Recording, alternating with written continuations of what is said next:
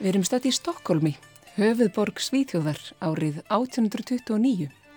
Í húsi einu setur nýju ára stúlka út í glugga og syngur fyrir litla köttin sinn sem kúrir sig í kjöldu hennar. Fjöldi fólks gengur um göduna fyrir neðan, meðal annars ein vinnukona sem gerir hlið á göngusinni þegar tónar stúlkunar berast henni til erðna. Hver syngur svona undur fallega?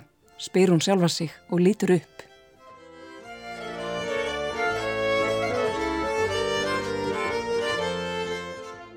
Þetta er sagan af Jenny Lind, sænskri söngkonu sem varð heimsfræg og var kölluð sænski næturgalinn.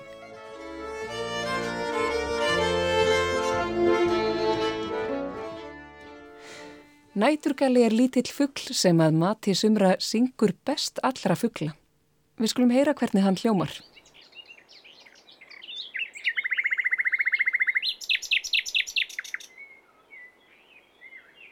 En aftur að Jenny Lind. Hún hétrendar Jóhanna Maria Lind en var alltaf kölluð Jenny. Hún var fætt 7. oktober árið 1820, samsagt fyrir rúmum 200 árum síðan. Hún átti ekki auðvelda æsku, foreldrar hennar höfðu lítið á milli handana og mamminar var mjög ströng og beitt hana miklu hardræði. Þegar Jenny var bara unga barn var hún sendið fóstur til annar fjölskyldu en þegar hún var fjögur ára fór hún aftur til mömmu sinnar. Hún var mikið einn og eins og áður sagði satt hún gerðan út í glukka og söng með köttin sinn í fanginu. Vinnukonan sem ég myndist á áðan starfaði fyrir konu sem hétt Fröken Lundberg og var dansari í konunglegu óperunni í Stokkólmi. Þegar fröken Lundberg frétti af hæfileikum stúlkunar skrifaði hún móður Jennijar bref og óskaði eftir því að hún kemi heimsokk til sín og leta hann að syngja fyrir sig. Frú Lind móður Jennijar samþýtti það og þegar fröken Lundberg heyrði Jenni syngja klappaði hún saman lófunum og rópaði upp yfir sig af hrifningu. Hún er snillingur! Þú verður að láta mentana í sviðslistum. Móður Jennijar list hins vegar ekki vel á þá hugmynd. Hún sá ekkert öryggi fyrir sér í framtíð dóttur sinnar í listum. En frökun Lundberg sannfarðana um að að minnstakosti leifinni að fá smá tilsögn í söng svo hún lærði rétta söngtækni. Hún sendi þær mæðgur á fund Herra Kroelius sem var söngkennari í konunglega leikúsinu.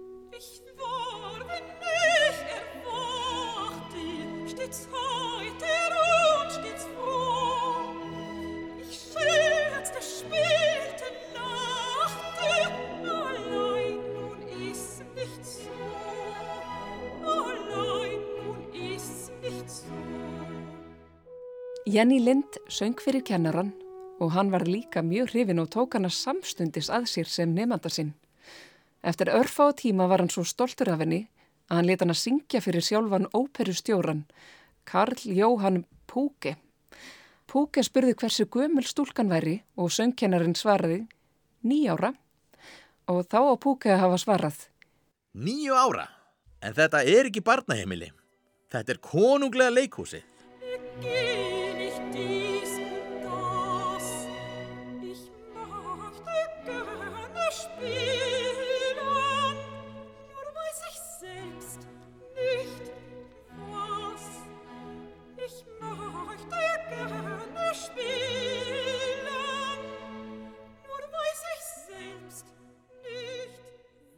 Þrátt fyrir þessi orð sannferðist óperustjórin fljótt um hæfileika Jenniar Lind og hún fekk ingöngu í skóla konunglega leikursins þrátt fyrir að hún væri bara nýjára.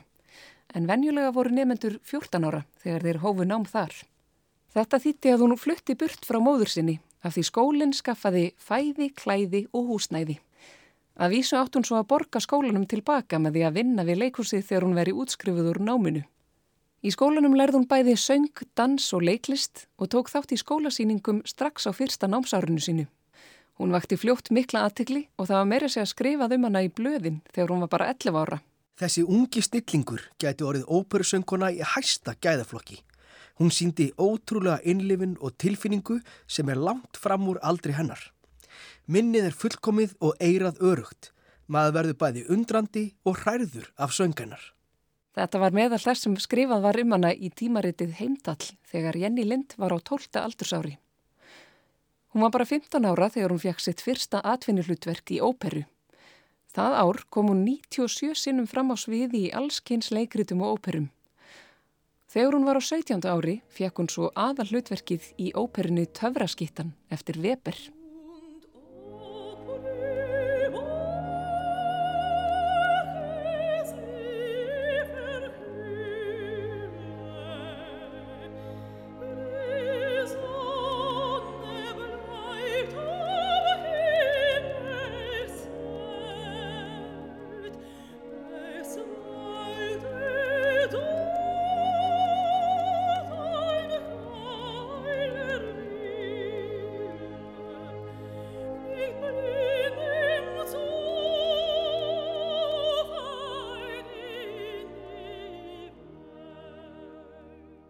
Hér heyrðist brot úr Ari úr töfraskittunni en þó ekki með rött Jenniar Lind vegna þess að þó við vitum að hún hafi verið ótrúleg söngkona sem átti marga aðdándur og mikið var skrifað um þá var ekki búið að finna upp tækni til þess að taka upp hljóð á þeim tíma sem hún livði. Þannig við getum aldrei heyrt röttin hennar. En við vitum að röttin hennar þótti tær og fögur og að ratsviðið hennar spannaði næstum því þrjár áttundir frá há og upp á þrýstrykkað G.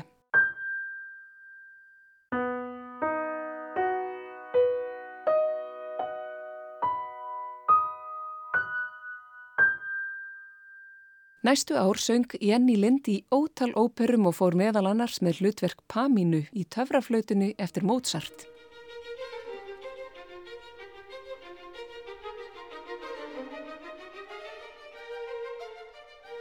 Í janúar 1840 þegar hún var 19 ára hlaut hún svo titilinn Hofsongerska eða Hirðsöngkona en það var sérstök viðurkenning sem konungurinn veitti framúrskarandi söngverum. Jenny til mikillar skjelvingar fór hún nokkru mánuðum síðar að finna fyrir því að röttin væri að gefa sig. Hún hafi verið undir miklu álægi síðustu ár og Jenny ótaðist að hún gæti ekki sungið framar. Hún lagði land undir fót og leitaði hjálpar hjá frægum söngkennara í Fraklandi sem hétt Manuel García. Honum leist illa á blikuna og sagði henni að röttin hennar væri einfallega búin. Mademoiselle, vous n'avez plus de voix.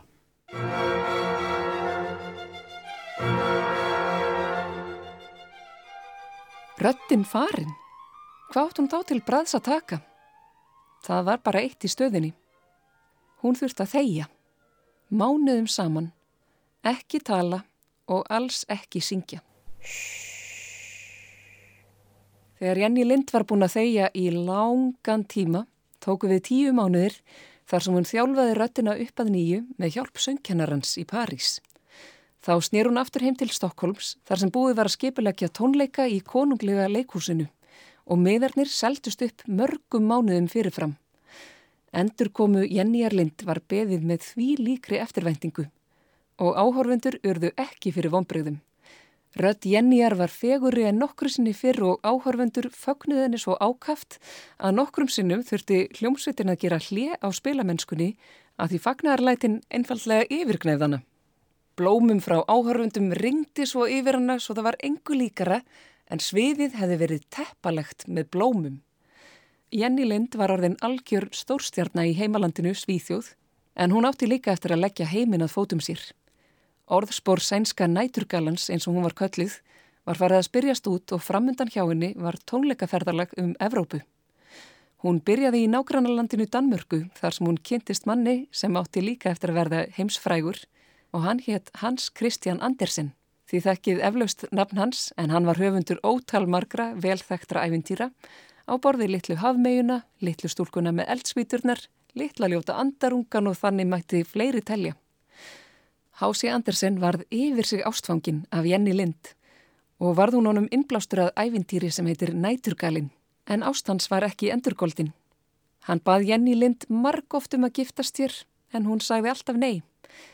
Hjarta hennar var kallt hvað snerti Hási Andersen og þau vonbreyði urðu honum innblástur í annað æfintýri sem þið kannski kannist við, Snædrottningin. Teiknimyndastórveldið Disney beigði nefnilega síðar myndina Frozen eða Frozen á æfintýrinu um Snædrottninguna. Sjá snjóin glitra á fjallinu nótt, ekkert fótspor hér að sjá. Eitt einsamdar konungsríki og ég virðist drottningin. Vindurinn gnauðar eins og ólgan inn í mér. Gat auðbyr staðinni en ég reyndi samt. Hleyp þeim ei inn, lát þau ei sjá. Vertu góða stelpan sem þú varst. Feldu, bældu, seg þeim ei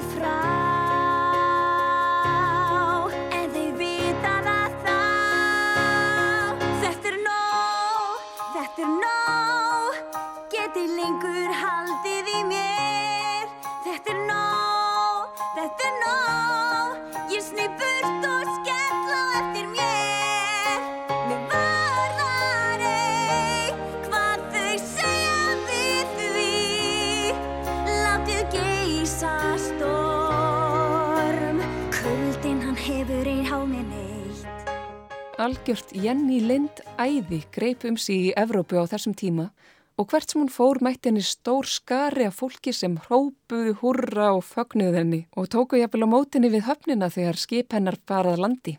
Þrátt fyrir að miðarnir á tónleika hennar væru rándýrir var alltaf uppselt og fólk traðkaði nánast hvert á öðru í röðunum til þess að næla sér í miða. Í ennsku höfuborgin í London spilaði sjálft tónskáldið Giuseppe Verdi undir hjá henni á tónleikum þar sem Viktoria Englandsdrottning var meðal áhörunda. Hún komst í kynni við mörg fræg tónskáld frá þessum tíma, meðal annars Sjópin, Sjúmann og Mendelssohn. En Mendelssohn var góður vinur hennar og hann er kannski frægastur fyrir að hafa samið brúðarmarsinn.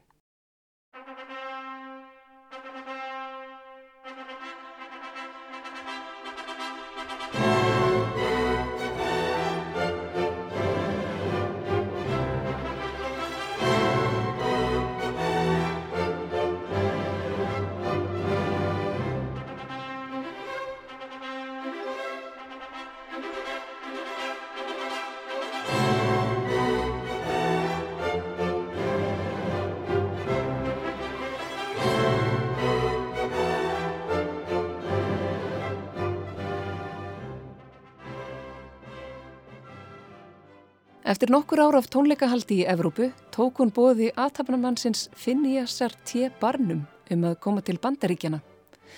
Barnum er þekktastur fyrir að hafa stopnað fjölleikahúsið Barnum and Bailey Circus eða Circus Barnum og Bailey og staðið fyrir ótal glæsilegum síningum. En um hann var gerð söngleikjamyndin The Greatest Showman sem kom út árið 2017. Í þeirri mynd er einmitt eitt karakter sem heitir Jenny Lind og er byggður á sænska næturgalanum. En hún syngur þetta lag í myndinni.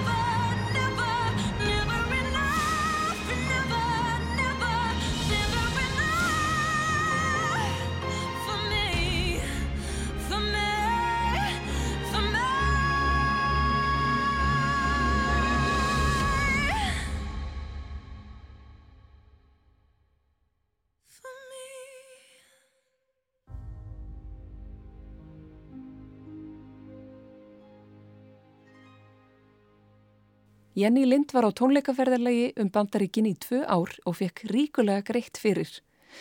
P.T. Barnum greitti fyrir hana allan ferðarkostnað, hótelgistingu, sá henni fyrir þremur meðleikurum, þjóni og rítara.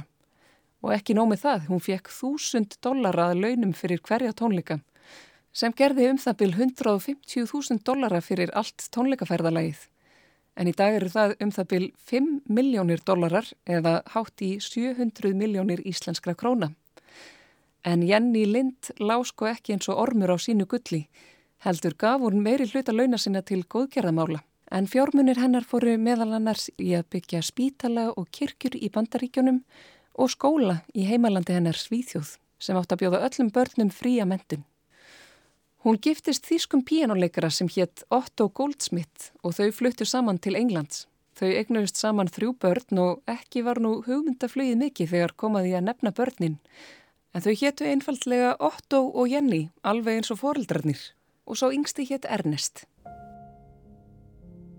Jenny Lind var 67 ára gömul þegar hún dó og var grafin í kirkjugarðinum í bænum Great Malvern á Englandi þar sem hún bjó. Fólk sérðana um allan heim og það bárust yfir 8-10 blómakransar meðal annars frá drottningunni af Englandi og konginum í Svíþjóð og Noregi. Minningarsjóður hennar er enn starfandi í dag og veitir eru styrkir úr honum til ungra og upprennandi listamanna.